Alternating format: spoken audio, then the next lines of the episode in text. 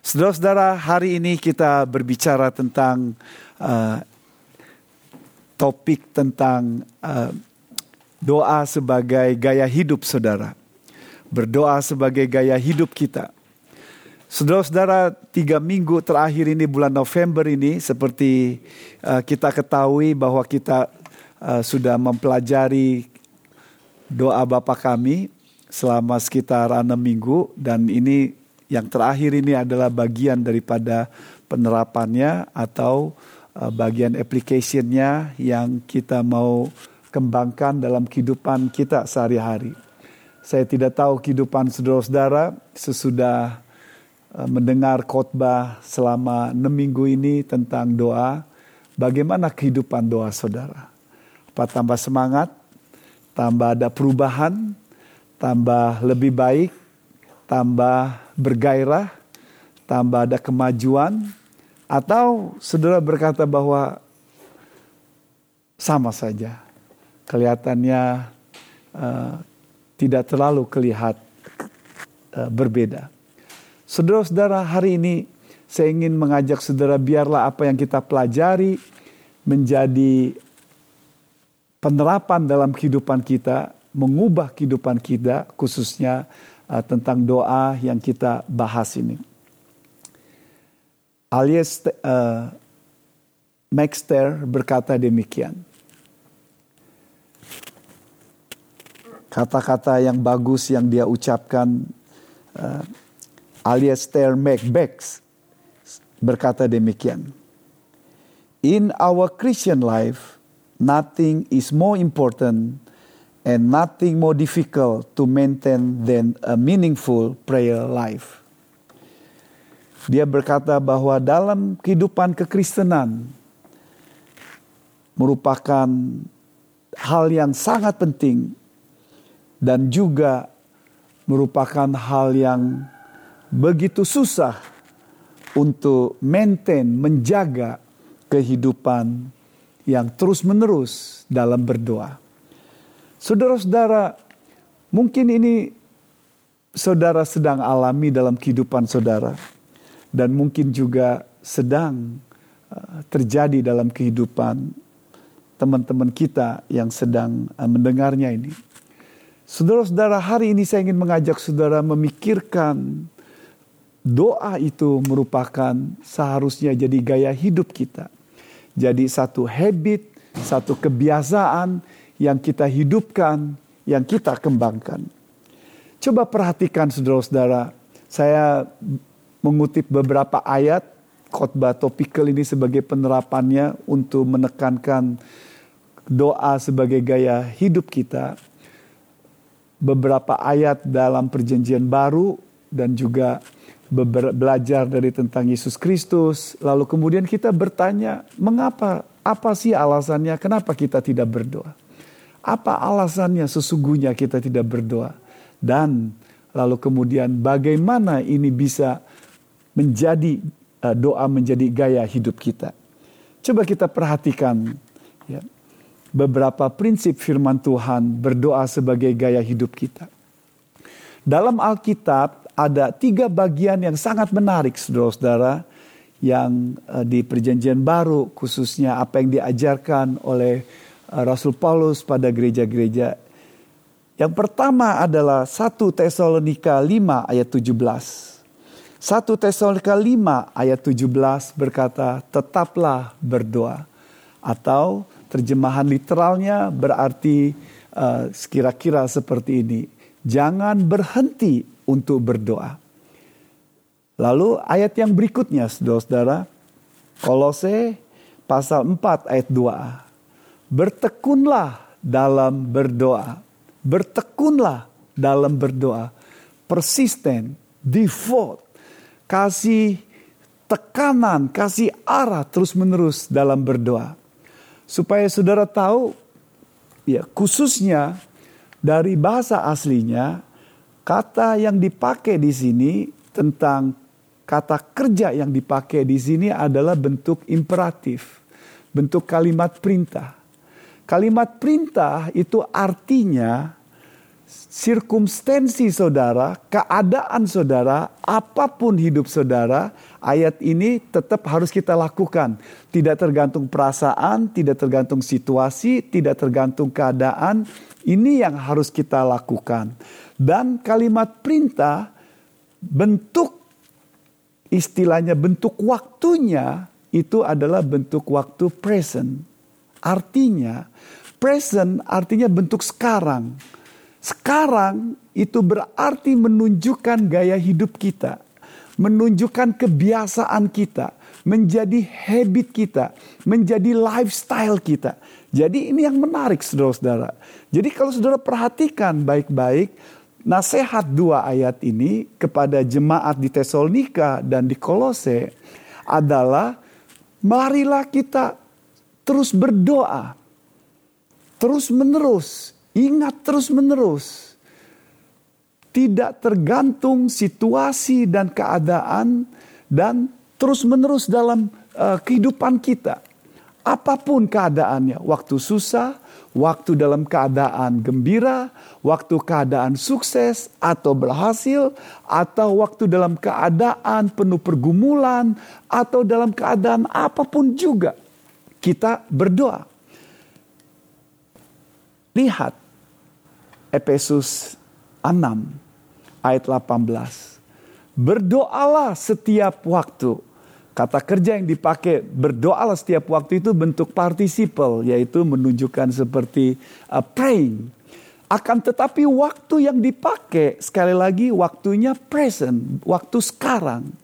Artinya berdoalah setiap waktu sekarang ini kamu berdoalah ketika khususnya dalam konteks Efesus pasal 6 ketika kita dalam situasi peperangan rohani melawan daging, melawan khususnya kuasa kegelapan iblis dalam konteks itu kita di, di, dikatakan di situ supaya kita terus-menerus berdoa sekarang ini. Dan mungkin dalam keadaan Bapak Ibu saudara-saudara sekarang sedang digoda, sedang ada pergumulan, sedang ada masalah, tapi tekanan di situ adalah bentuk sekarang dan setiap waktu.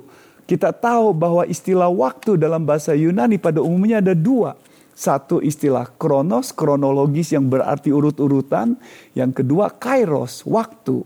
Kairos waktu artinya opportunity, kesempatan setiap kali ada kesempatan-kesempatan yang ada, kita terus bisa berdoa. Setiap waktu berdoa artinya bahwa ketika saudara lagi ngambil keputusan, saudara lagi bergumul, saudara lagi belajar, saudara lagi bekerja, saudara lagi di rumah tangga, ketika ada percekcokan dengan suami istri, ketika ada masalah pergumulan saudara menghadapi tantangan dan dosa, ketika menghadapi masa depan saudara, ayat itu berkata waktu, artinya setiap waktu kesempatan-kesempatan sebelum saudara ngambil uh, ngambil keputusan. Jadi tekanan di bagian ini saudara-saudara yang diajarkan kepada jemaat adalah seperti saya katakan bahwa ini merupakan satu yang seharusnya kita lakukan dengan joy dan sukacita tapi juga yang menjadi bukan hanya sekali lalu berhenti, tetapi menjadi gaya hidup kita karena bentuk present. Itulah sebabnya hari ini berdoa sebagai gaya hidup kita yang kita bahas sebagai penerapan dari apa yang diajarkan oleh Tuhan kita, Yesus Kristus. Dan mereka mengerti, saudara-saudara jemaat-jemaat itu mengerti, Rasul Paulus mengerti, Petrus mengerti, gereja mula-mula mengerti bahwa apa yang diajarkan oleh Yesus Kristus betapa pentingnya berdoa dan betapa susahnya untuk maintain, untuk menjaga dalam kehidupan untuk uh, berdoa. Dan biasanya kita tergantung pada situasi dan keadaan. Ketika saudara bergumul, lagi susah, Ketika susah cari kerjaan, saudara nangis-nangis, mungkin berpuasa, gak makan siang atau gak makan malam, gak makan pagi, baru berdoa. Ketika saudara sakit, ketika lihat kiri kanan tidak ada jalan, baru berdoa. Karena kadang-kadang masalah diberikan Tuhan supaya menghentak saudara untuk datang sama Tuhan. Tapi jemaat-jemaat gereja mula-mula, para rasul, dan juga gereja mula-mula mengerti itu bukan gaya berdoa yang benar. Kalau ada masalah baru berdoa. Bagi gereja mula-mula, berdoa itu adalah bagian hidup mereka, gaya hidup mereka yang vital, yang penting, saudara-saudara. Gereja mula-mula kita baca kisah para rasul pasal 1. Saya amati lagi pasal 1, pasal 2, pasal 3, pasal 4, pasal 5, pasal 6. Bahkan kemudian pasal uh, pasal-pasal berikutnya khususnya perjalanan Rasul Paulus dan juga apa yang dilakukan para pemimpin gereja yang gereja mula-mula mereka mengerti pentingnya berdoa dan gereja mula-mula saling mendoakan satu sama yang lain karena itu bagian gaya hidup kita sebagai anak Tuhan. Apa yang aktif, apa yang kita lakukan itu merupakan identitas kita. Dan doa itu adalah bagian daripada identitas kita. Kalau saudara tidak berdoa, itu menunjukkan memang saudara mungkin belum mengenal Yesus Kristus, tidak mengenal Tuhan, dan saudara tidak tahu betapa pentingnya itu berdoa. Dan gereja mula-mula dan pengajaran Rasul Paulus untuk jemaat-jemaat mereka mengerti itu penting. Dan saya berusaha untuk mengajak saudara-saudara karena tidak disebutkan kenapa kita harus berdoa dalam pengajaran-pengajaran dalam nats ini. Tidak disebutkan. Tapi yang disebutkan adalah pentingnya untuk kita selalu terus senantiasa untuk berdoa. Kenapa saudara-saudara? Karena mereka mengerti pada umumnya pentingnya berdoa. Dan biar saya jelaskan sekali lagi apa yang saya pelajari dari firman Tuhan dan apa yang kita pelajari dari doa Bapa kami tentang kenapa kita berdoa saudara-saudara. Why kita berdoa dari bagian ini. Kita berdoa karena ini menunjukkan our relationship with God. Hubungan kita dengan Tuhan. Karena hubungan kita dengan Allah Bapa kita melalui Yesus Kristus. Dan kita berdoa relasi yang intim, yang indah, yang mesra. Dan itu hanya melalui Yesus Kristus Tuhan kita. Kita menyebut Sang Bapa. Relationship. Allah yang tidak kita lihat. Allah yang pencipta, maha kuasa, yang hebat, yang luar biasa ini tapi dia mau berelasi dengan kita. Dan itu penting untuk kita. Berdoa bukan untuk khususnya kepentingan Allah Bapa kita. Berdoa adalah untuk kepentingan kita, our relationship yang unik, yang spesial, yang khusus dan relationship yang akan membangun hidup kita, menguatkan kita. Dan ketika engkau jauh dari Tuhan dengan tidak berdoa, itu berarti relationshipnya tidak ada. Dan bagaimana mungkin bisa mendengar suara Tuhan? Bagaimana mungkin tahu kehendak Tuhan sedangkan relasi apa yang kita dapatkan dari firman Tuhan, kita tidak mengetahuinya. Tapi bukan hanya membangun relationship yang bagus untuk kita kepada Allah Bapa dalam melalui Yesus Kristus yang unik, yang indah, yang dekat, tapi juga saudara-saudara untuk menunjukkan our need, kebutuhan kita. Kebutuhan kita bahwa ketergantungan kita kepada Tuhan. Kita berdoa untuk menunjukkan our need, kebutuhan kita. Bahwa dia adalah Tuhan dan Juru Selamat kita. Dan sumber kehidupan kita, provider kita. Kebutuhan kita, our need. Itulah sebabnya saudara-saudara ketika kita berdoa dikatakan di sini berdoa setidak berhenti. Terus menerus panjang waktu.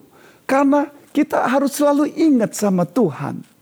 Bahwa dia sumber kekuatan, penghiburan dan uh, pemberi dalam kehidupan kita.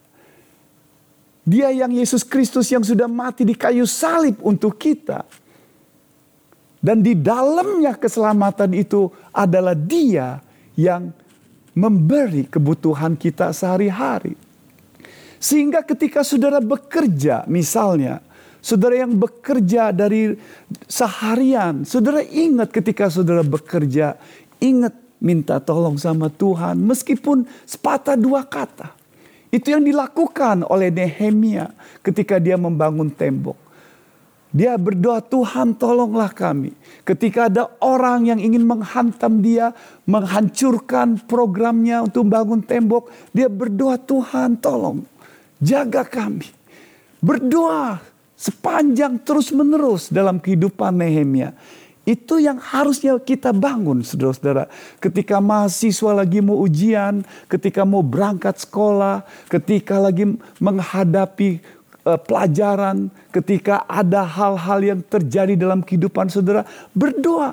Karena itu menunjukkan kebutuhan kita, ketergantungan kita, bahwa Dia adalah sumber segalanya dalam kehidupan kita. Itulah sebabnya firman Tuhan berkata, "Jangan khawatir, daripada kamu khawatir, berdoa."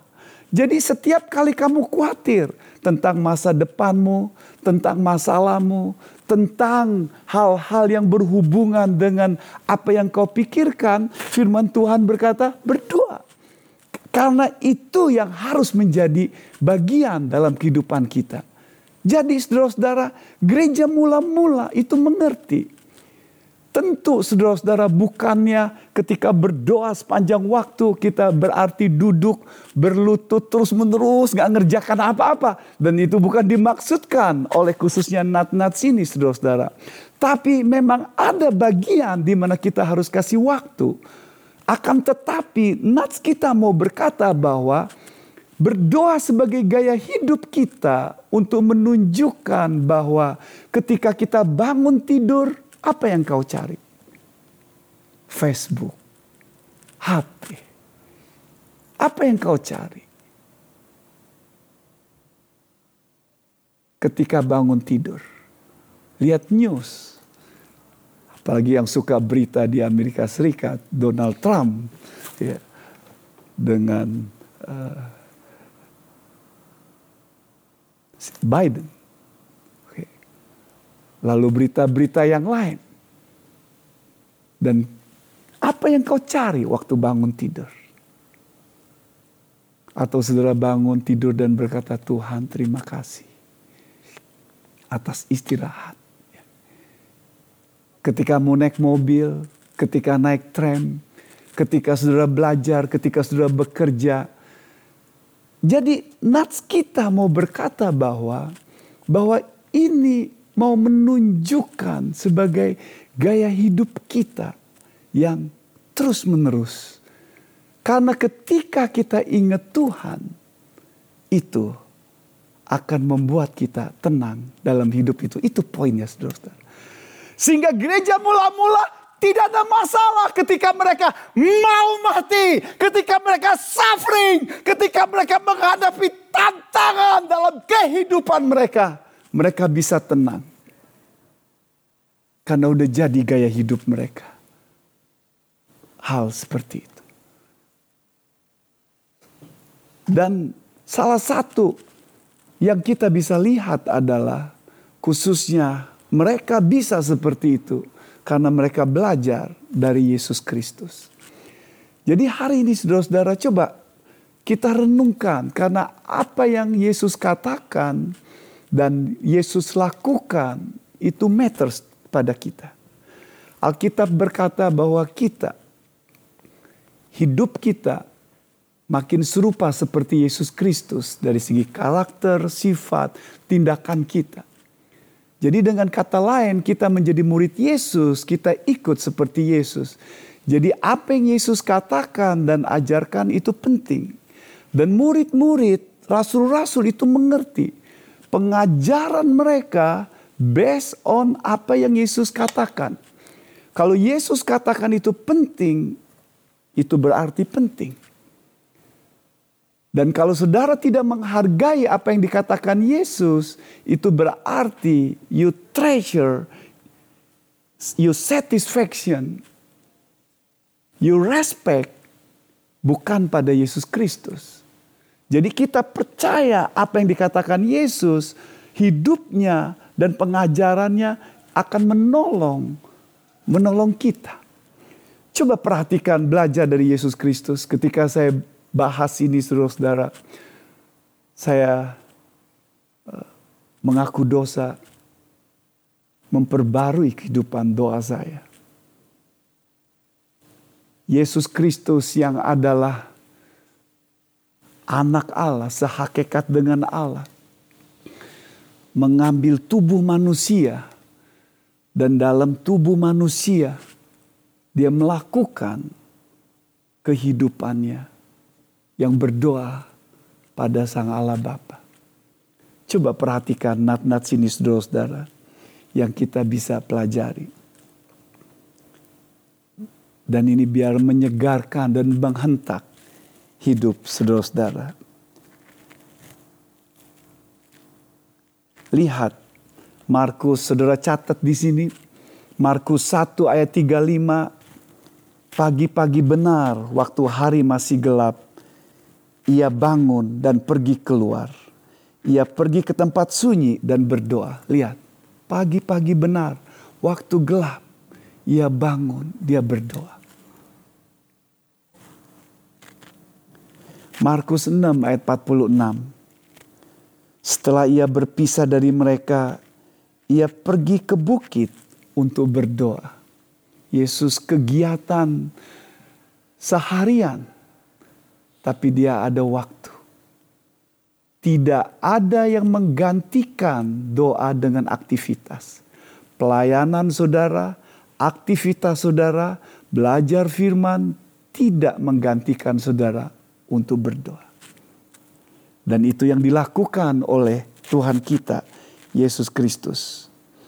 Markus 4 ayat 2 sebelum dia melakukan pelayanan yang pertama kalinya setelah berpuasa 40 hari 40 malam akhirnya laparlah Yesus. Sebelum masuk pelayanan Yesus berdoa, berpuasa. Dalam puasa itu bermasuk implikasinya ada doa 40 hari. Wow, saudara-saudara. Lihat ayat berikutnya, Lukas 6 ayat 12. Pada waktu itu pergilah Yesus ke bukit untuk berdoa semalam-malaman. Ia berdoa kepada Allah Bapa. Semalam-malaman berdoa.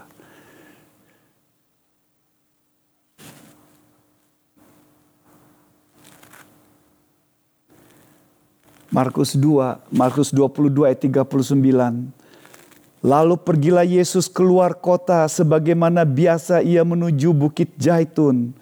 Murid-muridnya juga mengikuti dia. Yesus biasa bukit Jaitun untuk berdoa. Dan dia mengajar para murid-muridnya. Jadi saudara perhatikan dalam bagian ini. Coba perhatikan baik-baik. Itu yang dilakukan Yesus Tuhan kita.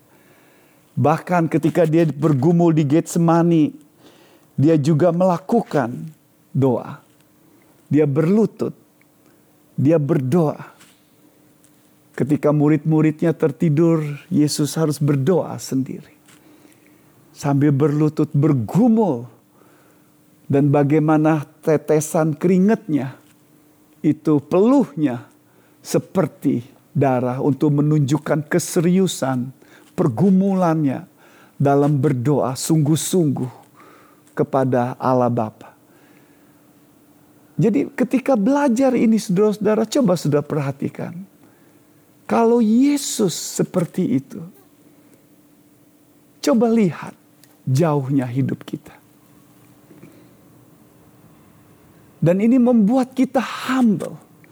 Dan kiranya kebenaran ketika belajar tentang teladan Yesus Kristus ini mencelikan, menghantak, membangunkan kerohanian saudara tentang doa dan berkata Tuhan, kalau Yesus Tuhan juru selamat saya seperti itu, saya tidak layak. Kita tidak layak. Dan kita memperbarui, kita mengaku dosa dan datang lagi kepada Tuhan kita, Yesus Kristus, dalam kehidupan kita. Yesus berdoa sebagai gaya hidupnya, dan para murid-muridnya mengerti. Itulah sebabnya gereja mula-mula melakukan.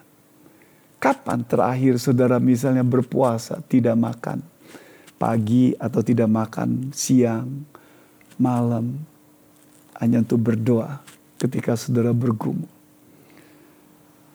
Atau kapan saudara kasih waktu secara khusus berdoa? Untuk gereja, untuk kebutuhan saudara, untuk COVID-19, untuk teman-teman, untuk saudara-saudara saudara, untuk kebutuhan saudara secara serius.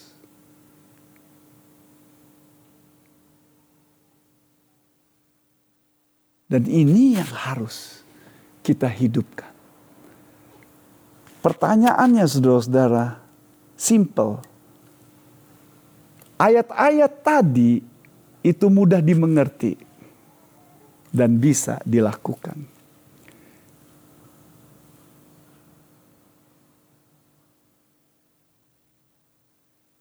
Ayat-ayat yang simple, sederhana, yang nggak usah untuk nggak usah untuk ditafsirkan susah-susah Berdoalah senantiasa setiap waktu di mana kita berarti terus-menerus ingat Tuhan. Siapa yang nggak mengerti ini angkat tangan. yang simple, sederhana, nggak perlu eksegesis, nggak perlu belajar banyak hal untuk mengerti nats itu. Karena kadang-kadang yang susah, ayat-ayat yang membuat kita susah bukan ayat-ayat yang penuh tafsiran, tapi yang membuat kita susah, yang bergumul ayat-ayat yang kita mengerti sekali. Yang jelas.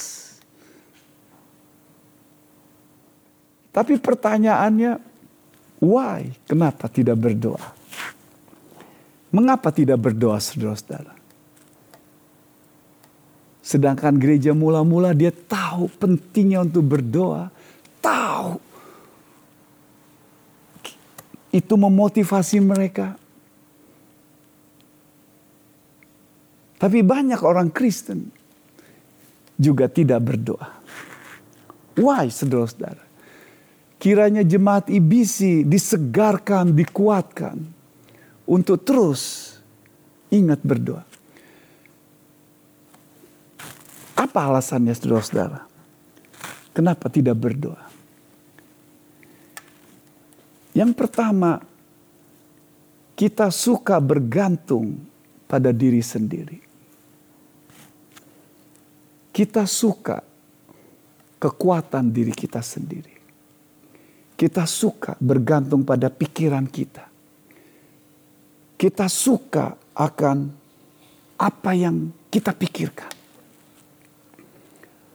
Apa yang menjadi keinginan kita apa yang menjadi kekuatan kita. Itulah sebabnya ketika susah, tidak ada jalan, baru saudara datang sama Tuhan. Tapi kalau dalam kehidupan sehari-hari, nggak perlu. Nggak perlu berdoa. Misalnya ketika saudara berdoa misalnya untuk tram datang. Nggak perlu berdoa karena Tram itu selalu senantiasa datang. Tapi kalau seandainya ada sesuatu gempa bumi atau ada COVID-19 yang di baru kita, oh ini tram datang nggak datang nggak, terus baru berdoa, saudara. Karena kecenderungan manusia sebagai hakikat orang berdosa adalah lupa sama Tuhan, bergantung pada dirinya sendiri, dan tidak ingat sama Tuhan. Kita cenderung sombong, congkak. Dengan kepandaian kita, dengan pola pikir kita, dengan kemampuan kita, semuanya. Dan kita bergantung pada itu. Jadi berdoa itu langkah terakhir ketika there is no way out. Bukan jadi gaya hidup kita. Yang kedua, kita adalah makhluk yang suka aktivitas. Kita suka aktivitas, sibuk sekali. Sibuk sekali. Dan juga termasuk di dalamnya kita suka achievement. Kita suka mencapai sesuatu sehingga men, sudah mencapai. Itu membuat kita suka sibuk, saudara-saudara.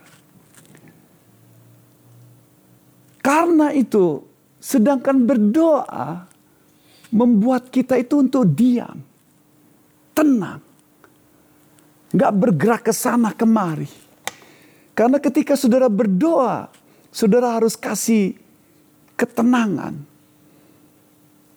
Saudara harus kasih waktu, duduk, membiarkan konsentrasi hubungan sama Tuhan, Allah Bapa kita dengan ingat firman-Nya, dengan pengucapan syukur. Lalu kemudian kita menyatakan petisi kita kepada Tuhan dengan sungguh-sungguh. Jadi berdoa itu itulah sebabnya saudara susah untuk diam. Apalagi bagi orang yang suka aktivitas. Membuat saudara sengsara untuk diam duduk. Itulah sebabnya kalau doa di gereja Kadang-kadang doa syafaat agak susah lama. Pengennya selesai, amin. Kalau bisa, kalau kita berdoa, Tuhan pimpinlah kebaktian kami sepanjang tahun ini. Awal Januari kita berdoa dan ini selesai Tuhan. Jadi nggak perlu berdoa lagi. Saudara-saudara, kita makhluk yang suka aktivitas yang sibuk, berdiam, itu membuat saudara susah. Tapi Tuhan ingin kita tenang, berdiam, memandang, memikirkan, menjaga hubungan, dan membiarkan Tuhan yang memberikan, mengatur, mengontrol, memimpin dalam kehidupan kita. Mengapa tidak berdoa, saudara-saudara? Alasan yang ketiga adalah kita tidak bisa menguasai diri. Saya perhatikan nat-nat firman Tuhan ketika berdoa berhubungan dengan penguasaan diri. 1 Petrus 4 ayat 7. Kuasailah dirimu supaya kamu bisa berdoa. Orang yang tidak bisa menguasai diri susah untuk berdoa. Ketika dia tidak disiplin, ketika dia memuaskan hawa nafsunya, ketika dia tidak berjaga-jaga, Itulah sebabnya Yesus berkata berjaga-jagalah dan berdoa. Dalam Lukas dikatakan. Berdoa, berjaga-jaga. Jadi dalam nats kita mau ditekankan saudara-saudara. Salah satu alasan kita tidak berdoa ketika tidak ada self control dalam hidup kita. Dalam 1 Petrus 3 ayat 7 Ketika suami tidak self control dengan hubungan dengan istri dan hubungan jadi rusak, doa akan terhalang. Ada masalah dengan doanya. Apakah nggak ada gairah semangat dalam berdoa atau kita terganggu dalam hubungan sama Tuhan atau doa doa kita tidak dijawab oleh Tuhan. Saudara-saudara, saudara perhatikan ketika hati saudara, emosi saudara, sikap saudara yang tidak bisa dikuasai. Saudara sukar untuk berdoa. Bahkan seperti khotbah dua minggu yang lalu. Ketika hubungan sesama. Ketika relasi jadi rusak. Susah untuk berdoa juga. Saudara-saudara, itu yang menyebabkan kita tidak berdoa. Jadi coba saudara perhatikan dan lihat bagaimana kita bisa mengalahkan ini. Dan ketika kita melihat ini lalu mengaku sama Tuhan dan melihat kecenderungan-kecenderungan kita, Dan kita lihat Yesus Kristus dan biarkan dia menjamah, mengubah hidup kita. Tiga penerapan praktis yang saya akan bawa mengajak untuk dipikirkan saudara di akhir khotbah ini. Bagaimana bisa menghidupkan, jadikan doa sebagai gaya hidup kita. Jadikan doa sebagai gaya hidup kita. How? Bagaimana hal yang praktis itu bisa kita lakukan? Khususnya hal yang pertama, saudara-saudara, setiap kali saudara bergumul dengan masalah saudara, bergumul dengan kekhawatiran saudara, datanglah sama Tuhan berdoa. Ini yang simple, yang sederhana, saudara-saudara. Ketika saudara bergumul ada masalah dalam kehidupan saudara, datang sama Tuhan. Itu yang diajarkan oleh Alkitab. Itu yang diajarkan oleh firman Tuhan. Jangan karena khawatir, serahkanlah kepada Tuhan. Jadi ketika momen saudara lagi khawatir, datang sama Tuhan. Ketika saudara menghadapi sama Tuhan, jangan komplain, jangan kesel, jangan marah, jangan saudara menggerutu, jangan menyalahkan situasi dan keadaan. Berdoa sama Tuhan, Allah Bapa kita dalam Tuhan kita Yesus Kristus. Datang sama dia. Berdoa. Simple, sederhana, jadi habit dalam kehidupan saudara. Bukan pada waktu nanti masalah itu besar sekali baru saudara berdoa. Tapi dalam kehidupan sehari-hari, setiap aktivitas saudara, awal kehidupan saudara, bahwa dalam doa Hal yang bagus sebagai orang tua mengajar anak saudara untuk berdoa adalah ketika masih kecil, ketika dia makan, ketika dia minum, atau ketika dia lagi lunch, dinner, lalu kemudian lagi breakfast, atau lagi menyusui, dan diajak untuk berdoa terus-menerus, dan mereka akan mengerti dan karena itu akan menolong. Ketika saudara sama sekeluarga naik mobil, saudara ajar untuk berdoa. Dan ketika pulang dari sekolah, mengucap syukur dan malam mengucap syukur, ajar untuk berdoa. Jadi kebiasaan yang bagus dalam kehidupan kita. Belajar dari Yesus Kristus, coba perhatikan tiga hal yang praktis ini dalam kehidupan kita. Lihat apa yang dikatakan oleh firman Tuhan yang Yesus Kristus katakan. Pagi-pagi benar waktu hari masih gelap, ia bangun dan pergi keluar. Ia pergi ke tempat yang sunyi dan berdoa. Saudara perhatikan, pagi-pagi benar, lalu soal tempat. Lalu kemudian perhatikan lagi ayat berikutnya. Seperti Lukas pasal 22 yang Yesus katakan tadi. Yesus seperti biasa pergi ke Getsemani, ke bukit Getsemani. Jadi soal waktu dan tempat, lihat. Jadi saya ingin mengajak saudara untuk jadi biasakan dalam kehidupan saudara untuk tiga hal ini. Yang pertama, waktu. Time. Dalam setiap hari, saudara kasih waktu. Waktu untuk berdoa. Kasih waktu. Apakah itu pagi, apakah itu siang, apakah itu malam. Apa yang waktu terbaik bagi saudara? Kalau pagi saudara nggak bisa bangun pagi, mungkin sebelum tidur. Kasih waktu untuk berdoa Mulai dengan 5 menit, 10 menit, 15 menit. Dan akan menjadi terbiasa. Tapi terus menerus. Waktu yang kontinu. Seperti habit yang dilakukan. Yang kedua, tempat. Perhatikan Yesus kasih waktu pagi-pagi di tempat yang sunyi. Tempat. Yesus pergi ke Getsemani ketika dia di daerah Galilea, dia datang uh, di daerah Yudea, dia datang ke Getsemani. Tapi waktu di daerah Galilea Yesus datang khususnya di tempat yang sunyi pagi-pagi. Tapi ketika di Yudea Alkitab berkata dia datang di taman Getsemani.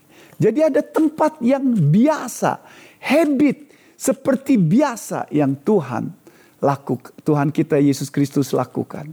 Habit. Jadi saudara perhatikan waktu dan tempat. Pertanyaannya coba saudara lakukan.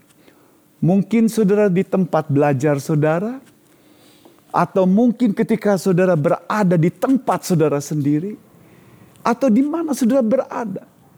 Atau sebelum saudara pulang kantor, ada beberapa teman bisnis saya yang sebelum pulang kantor, karena tahu kalau pulang dia urus anak, keluarga, dan sebagainya.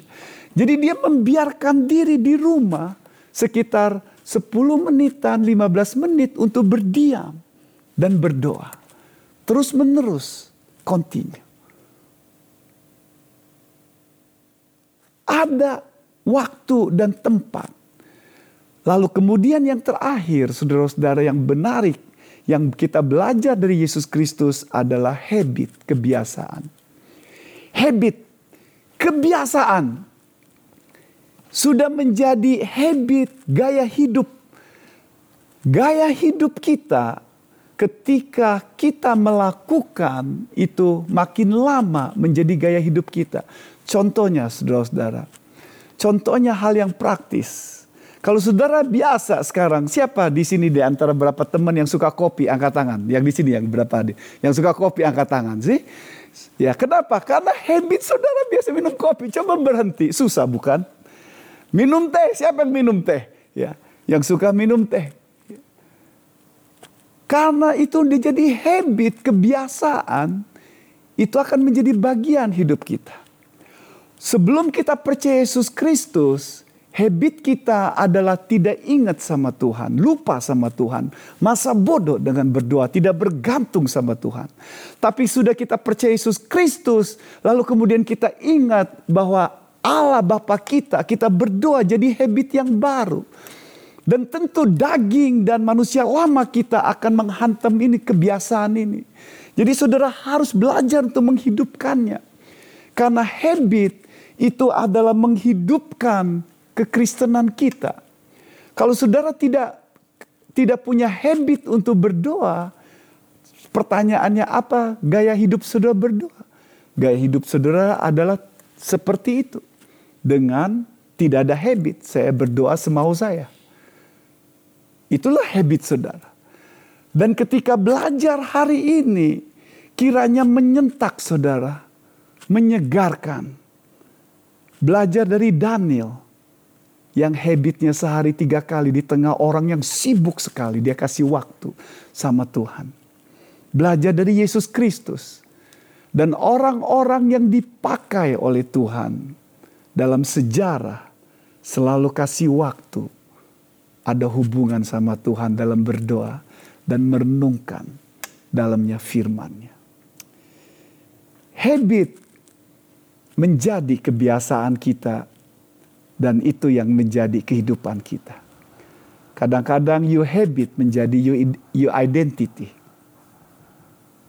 Kalau orangnya marah jadi biasa pemarah, kan kita bilang, eh lu dia biasa pemarah. Orang yang tersinggung lama-lama jadi tersinggung. Orang yang egois, manja, lama-lama si pemanja. Kita bilang. Jadi jadi habit. Habit kalau tidak hati jadi identitas kita. Dan Alkitab berkata, ketika kita percaya Yesus Kristus, kita identitas baru dalam Yesus Kristus, dan kita membangun identitas yang baru untuk membangun dalam kehidupan bersama dengan Yesus Kristus, membangun kerohanian kita bersama Yesus Kristus, khususnya dalam doa. Nah, biar saudara-saudara, saya di gereja saya udah cerita, tapi saya cerita ini betapa habit itu untuk menghidupkan habit itu susah, saudara-saudara. Coba perhatikan gambar ini, saudara-saudara. Ah, ini rumah di belakang saya, lihat saudara-saudara. Ya. Rumah di belakang saya yang rumputnya liah, besar, banyak sekali bertumbuh. Karena tidak jadi habit untuk dibersihkan tiap minggu atau dua minggu sekali. Saya nggak tahu keadaan rumput saudara-saudara gimana. Ya, MJ rumputnya gimana MJ? ya teman-teman yang punya pekarangan dengan suasana covid dan dingin seperti ini ya Gio halo Gio ya ya Ya, seperti ini karena gak jadi habit, saudara-saudara. Dan saya udah berapa kali, berkali-kali untuk bersihin, tapi karena gak jadi habit, jadi masalah. Tapi kali ini saya benar-benar kecapean dan kelelahan sama semu. Lalu buat habit yang baru. Kita mulai semangat baru, habit yang baru. Sesudah ini beres, Dua minggu sekali harus dibereskan. Akhirnya jadilah seperti ini. Lihat gak hebat gak? Pung jadi bagus seperti ini. Wow jadi bagus baru. Dan kami buat komitmen dua minggu sekali dibersihkan, dibereskan. Hopefully by God grace kita mampu, saudara-saudara saya mampu untuk terus menerus jagain. Hal yang sama dengan berdoa. Kalau hari ini saudara-saudara doamu mulai letih, lesu, lemah, dan saudara tidak bergairah, tidak semangat. Dan mulai mati kerohanian saudara. Doa jauh daripada yang saudara inginkan dan hari ini, pagi ini. Menyentak, membangunkan kerohanian saudara tentang doa. Dan betapa ketika kita melihat Yesus Kristus dan pengajaran firman Tuhan jauhnya kehidupan kita. Biar pagi ini kita disegarkan, dikuatkan, diperbarui Yesus Kristus akan memimpin, menopang, membangunkan, tapi juga memberi kekuatan. Anugerahnya memberi kekuatan bagi kita di tengah-tengah kita berdoa. Ini perintah untuk berdoa bukan berarti kita tidak bisa. Dia memampukan kita bukan karena kita bisa, tapi karena Yesus Kristus yang sudah mati di kayu salib untuk kita, menolong kita, memampu kita, memampukan kita sehingga kita bisa berdoa dekat sama Tuhan menjadi gaya hidup kita. Mari kita berdoa bersama-sama.